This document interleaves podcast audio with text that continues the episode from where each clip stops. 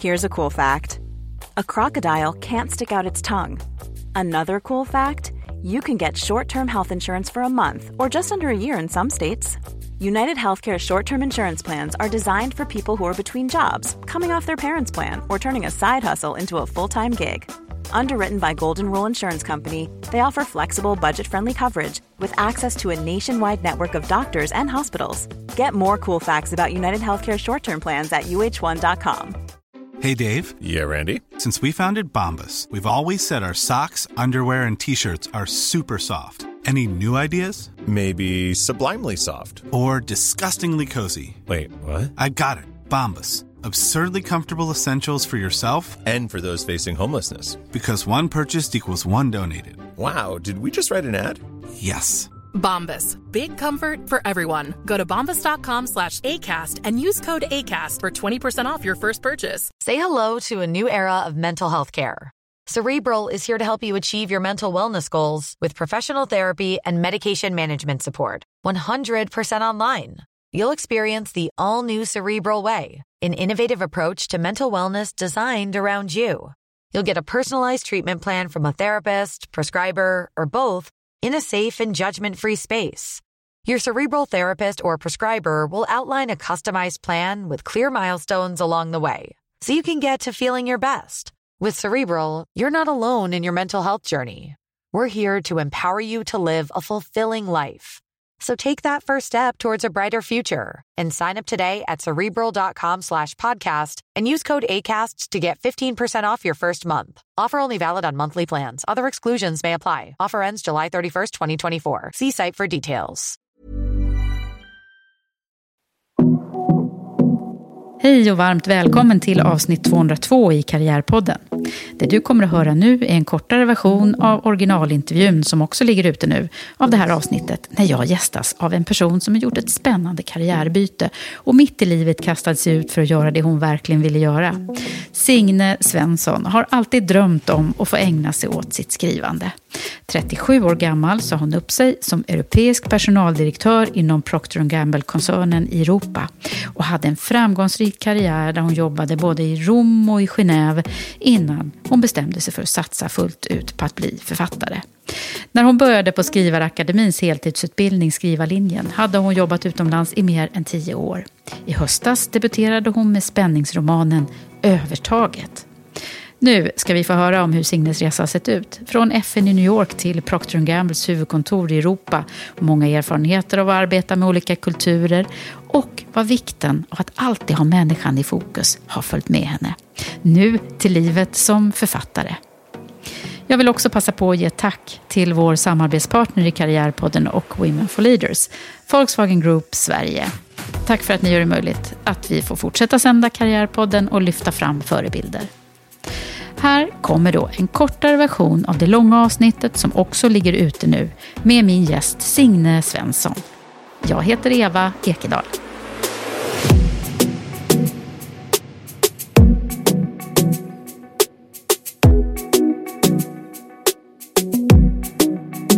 Signe Svensson, välkommen till Karriärpodden. Tack så mycket. Jättekul att vara här. Ja, så kul att vi får fortsätta prata. Vi började ju nämligen prata här om dagen bara. Och jag bara kände så här, jag vill inte sluta det här samtalet. Inte jag heller. och då bjöd jag in dig hit. Därför att det är nämligen så att vi tog en walk and talk. Vi blev ihop tussade kan man säga. Att vi borde ses. Sådana där bra connections som, som man får lite då och då i livet. eh, Som kan leda en framåt, eller hur? Ja, älskar dem. Ja, och då tog vi en walk and talk runt Djurgården. Det var väldigt fint väder. Och eh, då blev jag så eh, inspirerad och också väldigt nyfiken på att lära känna dig lite mer. För du har ju en, en spännande karriär som vi ska försöka grotta lite vidare i. Men också ett spännande karriärskifte. Eh, och en passion som vi... Jag ska inte avslöja allting nu, utan det ska, vi, det ska vi ju komma fram till. Men det är... Vad ska vi börja, tycker du? Vi får nästan börja från början. Vem är Signe? Ja. Jag är född i Göteborg, uppvuxen i Göteborg. Och min pappa är skulptör och min mamma är språklärare. Och eh, konsten har alltid stått väldigt centralt i vårt hem, för min pappa började på Valand eh, samma år som jag föddes.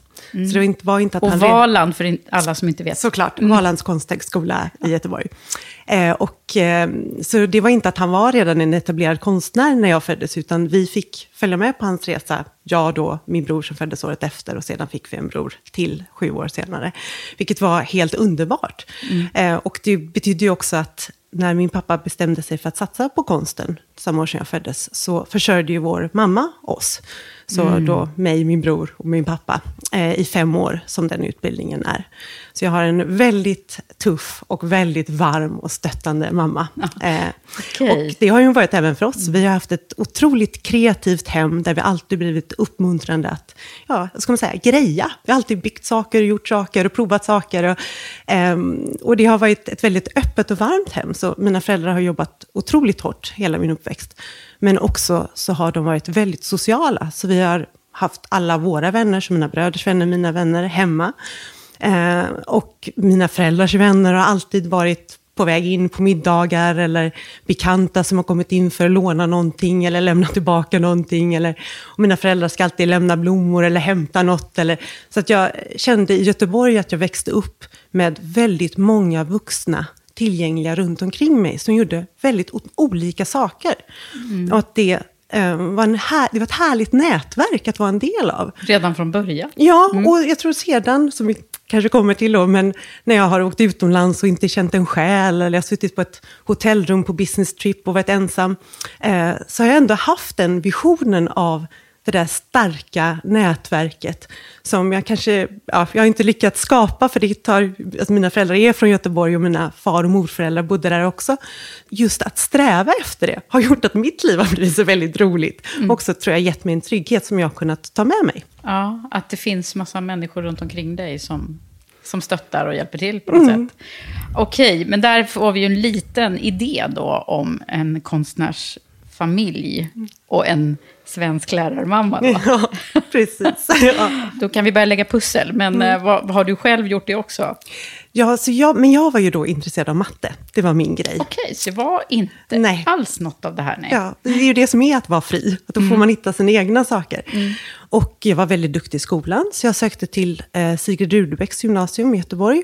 Eh, där det fanns en naturvetenskaplig linje med mattefördjupning. Och det älskade jag. Så jag tävlade i matte och kom vara åtta i, där i gymnasiet i någon nationell tävling.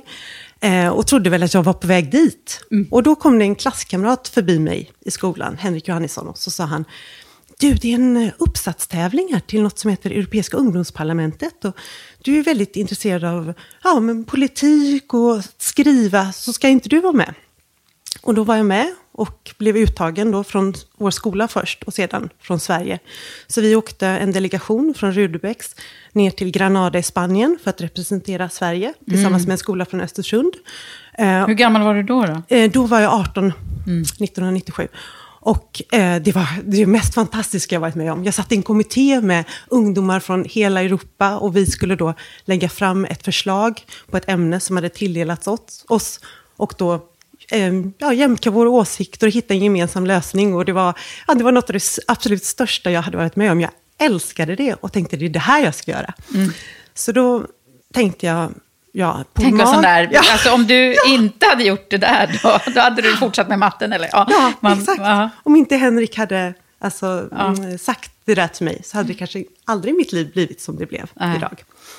Ehm, Så då- där har vi första så här, avgörande grejen. ja, precis. Ja. precis. Eh, och då så tänkte jag då att Polmag, eh, som hade varit ett steg i den riktningen, eh, det, var, det var lite för långt från matten för mig. Så då tänkte jag, då kan jag läsa nationalekonomi. Så då sökte jag till Handelshögskolan. Och eh, samtidigt som jag läste där så gjorde jag, man kan liksom göra en slags karriär inom Europeiska ungdomsparlamentet. Så jag åkte till Bryssel och var med på sessioner där. Och jag var med i Milano, Cambridge och Oxford. Och liksom hjälpte till då för de nya delegater som kom hela tiden. Så din internationella karriär började ju där då kan man säga. Precis, för du, det där internationella, det var ju någonting jag bara älskade. Ehm, just att vi var olika. Och att få umgås med människor som tänkte på ett helt annat sätt och hade andra bakgrunder än vad jag själv hade.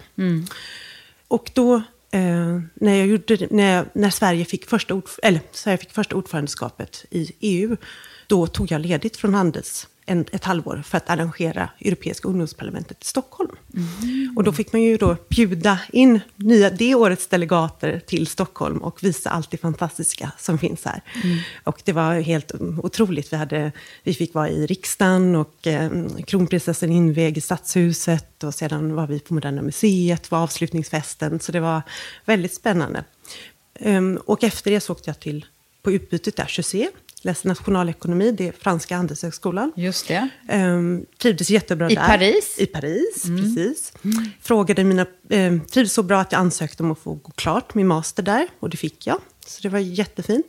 Och sedan åkte jag då till FN, där jag hade sökt en praktikplats. Och då var wow, jag... vilken start din karriär. Man blir ju helt så här, wow.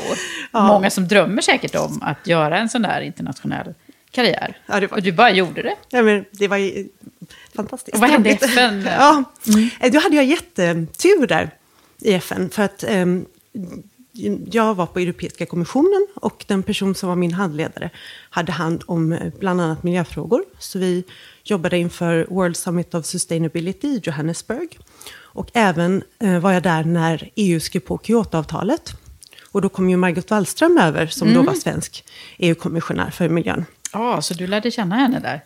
Ja, jag hade ju ändå turen att jag fick eh, hjälpa henne. Och det var eh, en otrolig upplevelse. Hon var extremt påläst och duktig eh, på alla, eh, vad, alltså minsta detalj som journalisterna ställde frågor om kunde hon svara på på ett ja, mycket eh, enkelt och insatt sätt. Mm. Och det var väldigt roligt för att jag kände mig som en liten, jag var ju en liten myra i organisationen. Mm. Eh, som man är som praktikant och man försöker hitta sin plats. Och, uh -huh. eh, så precis då när jag ska då, eh, säga hej då till Margot så säger hon så här, du, har du någonting att göra just nu?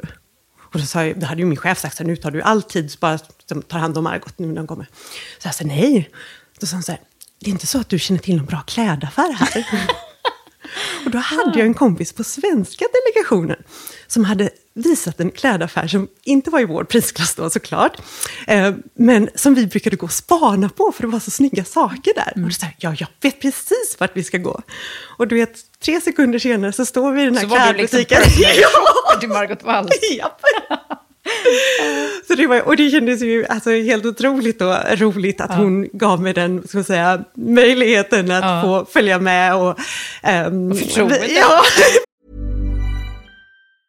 When you're ready to pop the question, the last thing you want to do is second guess the ring. At BlueNile.com you can design a one-of-a-kind ring with the ease and convenience of shopping online. Choose your diamond and setting. When you find the one, you'll get it delivered right to your door. Go to Bluenile.com and use promo code LISTEN to get $50 off your purchase of $500 or more. That's code LISTEN at Bluenile.com for $50 off your purchase. Bluenile.com code LISTEN. Introducing Wondersuite from Bluehost.com. Website creation is hard, but now with Bluehost, you can answer a few simple questions about your business and get a unique WordPress website or store right away. From there, you can customize your design, colors, and content and Bluehost automatically helps you get found in search engines like Google and Bing. From step-by-step guidance to suggested plugins, Bluehost makes WordPress wonderful for everyone. Go to bluehost.com/wondersuite. Ryan Reynolds here from Mint Mobile. With the price of just about everything going up during inflation, we thought we'd bring our prices down. So to help us, we brought in a reverse auctioneer, which is apparently a thing. Mint Mobile unlimited premium wireless. Ready to get 30, 30, bit to get 30, bit to get 20, 20, 20, bit to get 20, 20, bit to get 15, 15, 15, 15 just 15 bucks a month. So, Give it a try at mintmobile.com/switch. slash $45 up front for 3 months plus taxes and fees. Promo rate for new customers for limited time. Unlimited more than 40 gigabytes per month slows. Full terms at mintmobile.com. Hey Dave. Yeah, Randy. Since we founded Bombus, we've always said our socks, underwear and t-shirts are super soft. Any new ideas? Maybe sublimely soft. Or disgustingly cozy. Wait, what? I got it. Bombas. Absurdly comfortable essentials for yourself and for those facing homelessness. Because one purchased equals one donated. Wow, did we just write an ad? Yes. Bombas. Big comfort for everyone. Go to bombas.com slash ACAST and use code ACAST for 20% off your first purchase. Hey, I'm Ryan Reynolds. Recently, I asked Mint Mobile's legal team if big wireless companies are allowed to raise prices due to inflation. They said yes. And then when I asked if raising prices technically violates those onerous two year contracts, they said, What the f are you talking about, you insane Hollywood ass? F- So to recap, we're cutting the price of Mint Unlimited from $30 a month to just $15 a month. Give it a try at mintmobile.com slash switch. $45 upfront for three months plus taxes and fees. Promo rate for new customers for limited time. Unlimited more than 40 gigabytes per month. Slows. Full terms at mintmobile.com. Precis. Du Signe, när man, när man tittar på din karriär nu, så här långt, då har du, har du ju en massa erfarenheter med dig eh, av både jag kan tänka mig, vi, vi hinner ju liksom inte gå in på allting som har hänt, men jag ser ju det liksom blixtrar i ögonen på dig när du pratar om alla de här olika länderna och, och din resa. Vad är det som har varit eh, det absolut roligaste? Om du bara får säga en grej.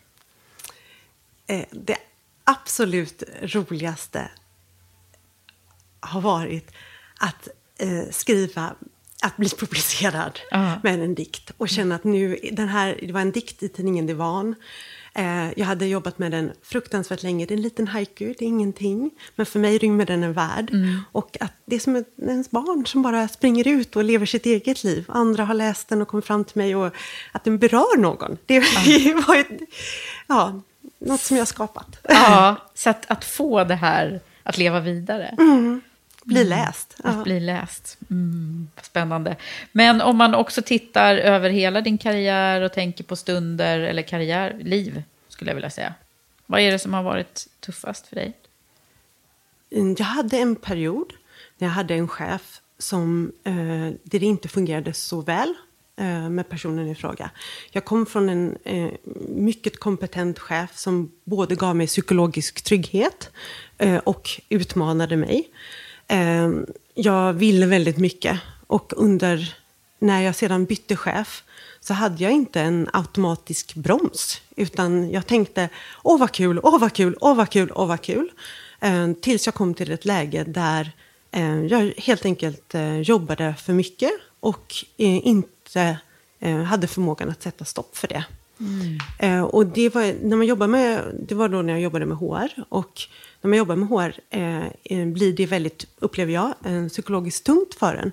För det är människor man jobbar med. Det är inte som man kan säga så här, "Ah, nu hinner jag inte med det här och det här och det här. Eh, de här papperna, de får ligga här lite. Utan det är ju människor man rör vid. Eh, och det...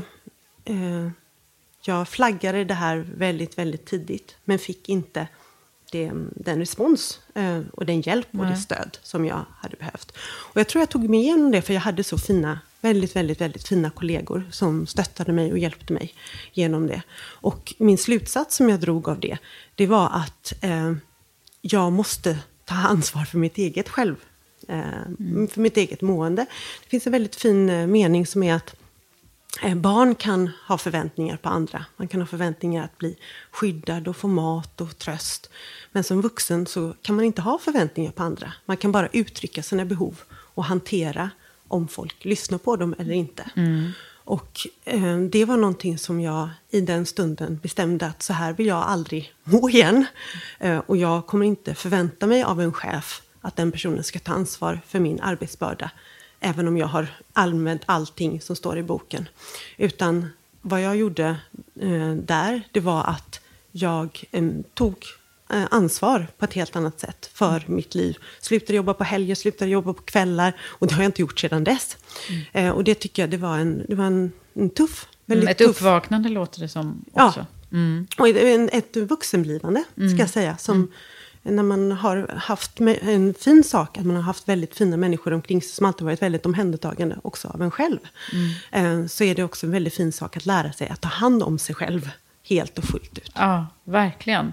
Det där eh, brukar jag också prata om ganska mycket. Om att vi, att vi till syvende och sist så är det ju liksom vi själva som måste ta ansvar för att både bli lyckliga och må bra och hela alltihopa. Eh, även, om, eh, även om man ibland vill lägga över det på någon annan så, så går inte det. Nej, Nej. inte. Nej, vad fint. Sen så är det ju, eh, brukar vi alltid prata om ledarskap i, i Karriärpodden. eh, och om inkluderande ledarskap. Och det moderna ledarskapet har ju vi mycket ringat in i Women for Leaders, pratar vi väldigt mycket om, vad är det och så. Eh, men sen så har jag ett samarbete med Volkswagen Group Sverige, som skicka med en fråga varje gång som handlar om, de vill nämligen driva frågorna om, väldigt fint tycker jag, om jämställdhet och inkluderande ledarskap.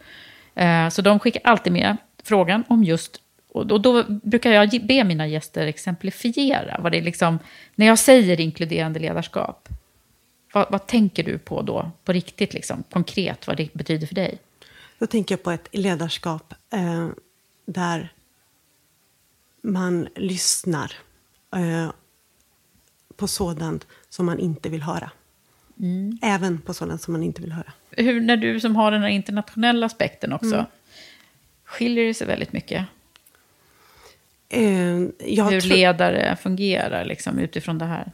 Ja, så, eh, men jag skulle säga att människor är väldigt lika mm. eh, över hela världen. Det finns kulturella mm, aspekter, men i syvende och sist så är vi människor allihop. Mm. Och eh, jag tror att de flesta människor vill gott. Mm. Eh, jag är ju utbildad executive coach då, genom eh, Lee Hecht Harrison som Procter. Eh, eh, jag har alltid haft ett jättestort stort intresse för ledarskapsutveckling. Och eh, fick gå den här genom Procter då, och jobbat mycket inom dem. Och min erfarenhet är att för de flesta människor så det de gör, det stämmer i den så i den kontext som de har byggt upp.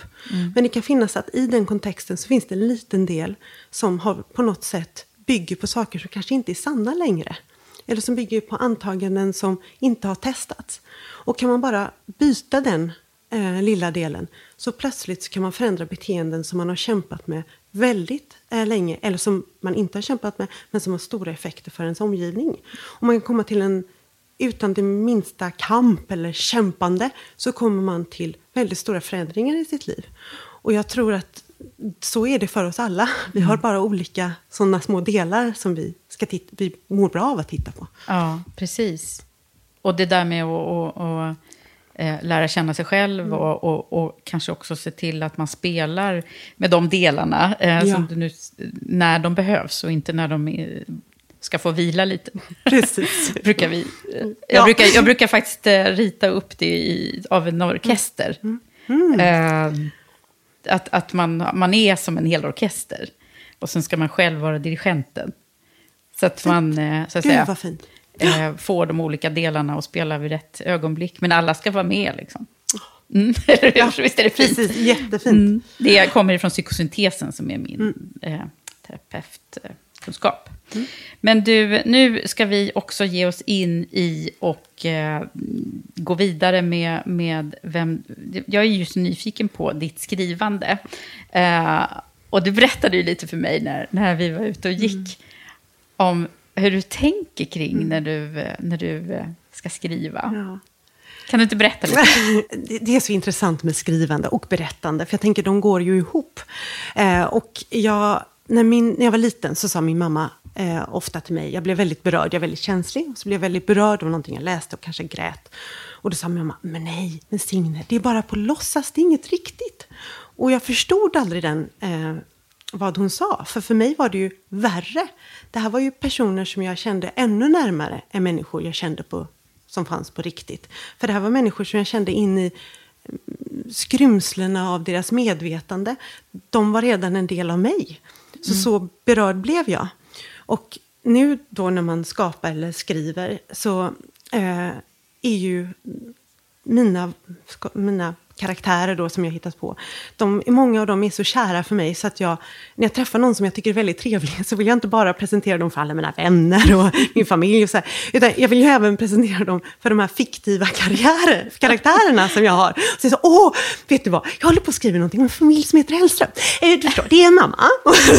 och så börjar jag brodera ut. Och jag tycker att det, liksom, det är ju det som är så eh, underbart med att skriva, att man just får använda sin fantasi. Mm. Och den typen av berättande för mig är ju otroligt intellektuellt utmanande. Eh, att konstruera världar, att bygga personer och sedan låta de här personerna möta varandra. Det är ju som att leka med dockor dockor. Eh, och jag lekte aldrig med dockor när jag var liten. Eh, så att nu får jag göra det. Och jag får inte bara leka med den yttre sidan av en docka, utan jag får gå hela vägen in och se vad är det som händer med en person. Och jag känner liksom att jag har träffat så många fantastiska människor i mitt liv. Eh, som jag har alltid berättat så många otroliga, som alltid händer otroliga saker med. Och så kan man berätta om dem och de är så eh, underbara och levande. Och nu får jag liksom lägga till egna personer till mitt stora persongalleri av vänner. Ja. Det är en väldigt, väldigt fin sak. Men är det så att många av dina karaktärer som du har i, eh, i din fantasi, mm. som kanske hamnar nu i någon, kommer de ifrån verkliga sammanhang? Eller är det... Hur är det?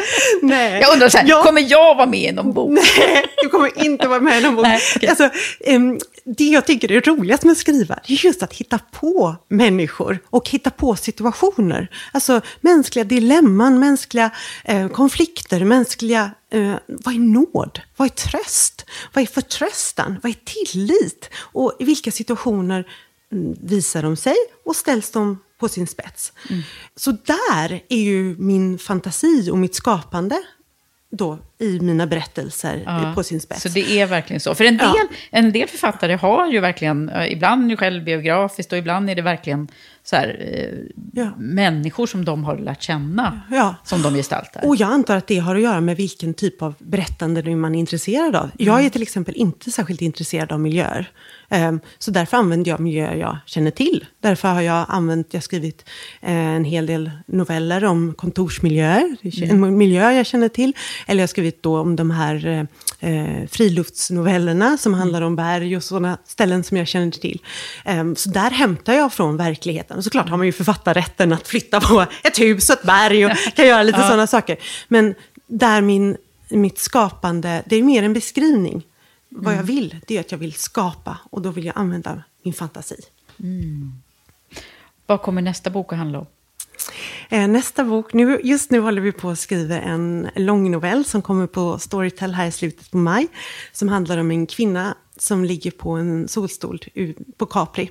Och så ser hon en man som reser sig från en annan solstol längre bort och så följer hon efter honom. Mm. Och sen så... så börjar förvecklingarna. ja. så den kommer nu på Storytel och på alla sådana mm, Next Story Bookbeat här i slutet på ja. maj.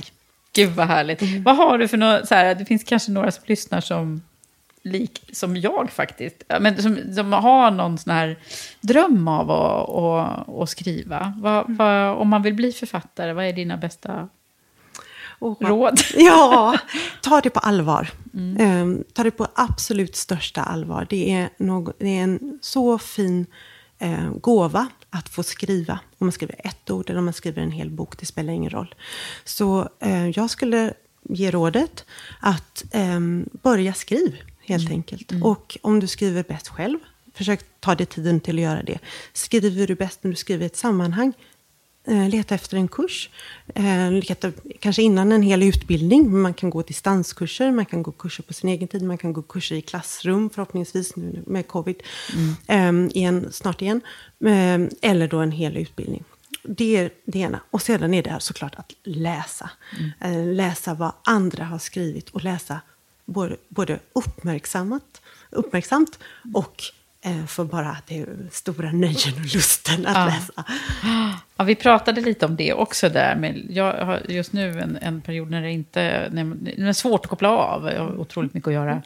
Eh, men det är ju så, det är ju någonting fantastiskt när man förlorar sig i en bok mm. och, och, helt får glömma sig själv på något sätt.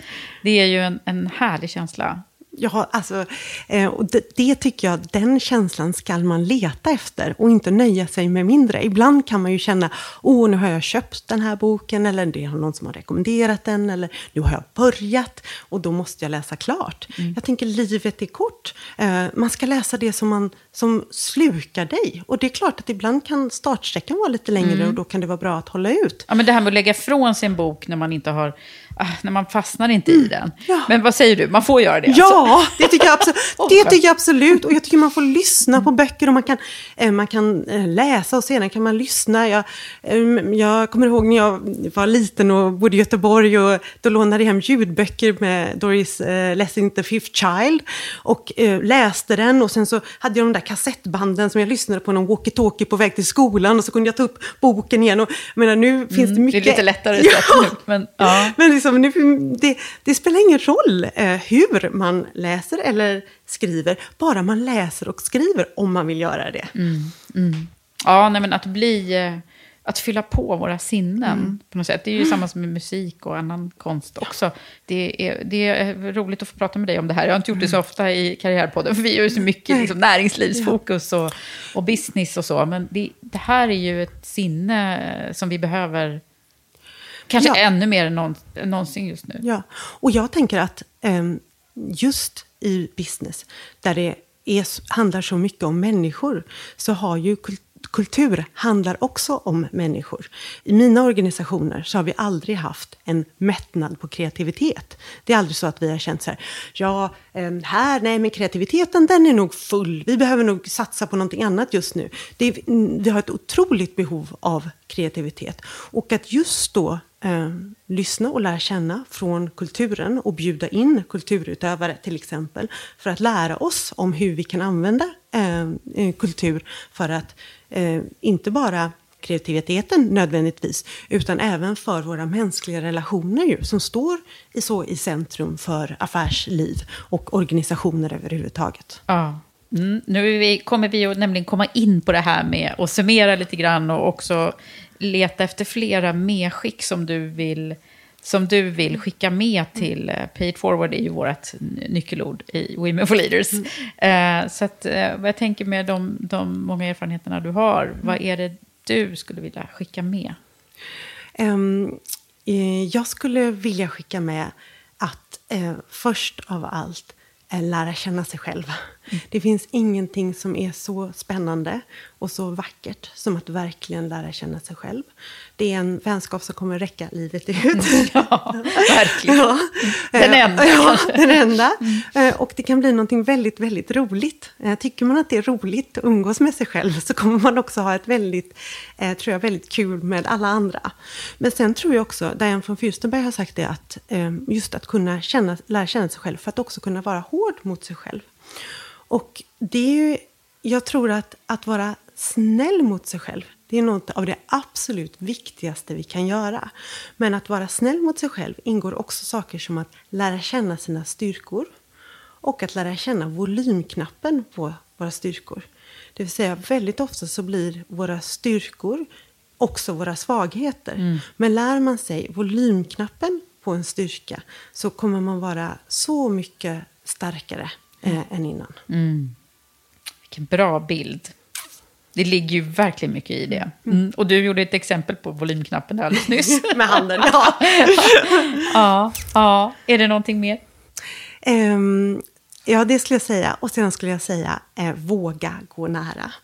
Ehm, det är så lätt att tro att saker em, är på ett särskilt sätt. Men är du nyfiken och är du intresserad eh, så tjänar man allt på att gå och titta på ett närmare håll. Det kan vara mycket roligare än vad man tror. Och så, sedan så tror jag, eh, jag tänker mig att det är kul, att livet är väldigt, väldigt roligt. Och jag har ju roligast med andra. Så att just att hitta, jag har eh, fantastiska vänner i Stockholm som tog emot mig med öppna armar när jag flyttade hem igen. Jag har fantastiska vänner i, på alla de ställen jag har arbetat. Så att inte glömma bort den sociala delen och vänskapen. Det är någonting fantastiskt fint. Åh, vad fint. Tack snälla Signe för att du har varit här och, och delat med dig. Och nu ska vi alla läsa eh, Signes böcker. ja. Tack snälla. Tack så jättemycket för att jag fick komma hit. Hoppas att du gillade det här avsnittet. Stort tack till dig som har lyssnat på mig och min gäst Signe Svensson.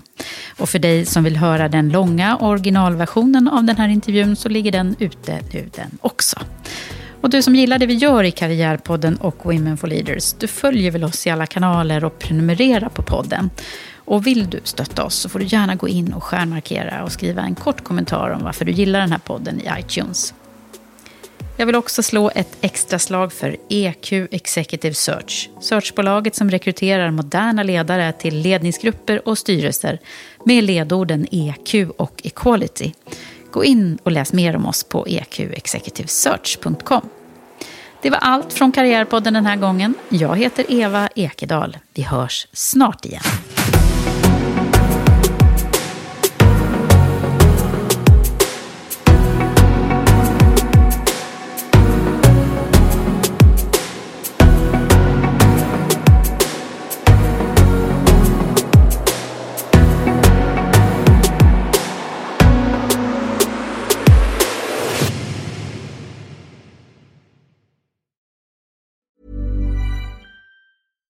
The number one selling product of its kind with over 20 years of research and innovation. Botox Cosmetic, out toxin A, is a prescription medicine used to temporarily make moderate to severe frown lines, crow's feet, and forehead lines look better in adults. Effects of Botox Cosmetic may spread hours to weeks after injection, causing serious symptoms. Alert your doctor right away as difficulty swallowing, speaking, breathing, eye problems, or muscle weakness may be a sign of a life threatening condition. Patients with these conditions before injection are at highest risk. Don't receive Botox Cosmetic if you have a skin infection. Side effects may include allergic reactions, injection site pain, headache, eyebrow and eyelid drooping, and eyelid swelling. Allergic reactions can include rash, welts, asthma symptoms, and dizziness. Tell your doctor about medical history, muscle or nerve conditions including ALS or Lou Gehrig's disease, myasthenia gravis, or Lambert Eaton syndrome and medications, including botulinum toxins, as these may increase the risk of serious side effects. For full safety information, visit BotoxCosmetic.com or call 877 351 0300. See for yourself at BotoxCosmetic.com.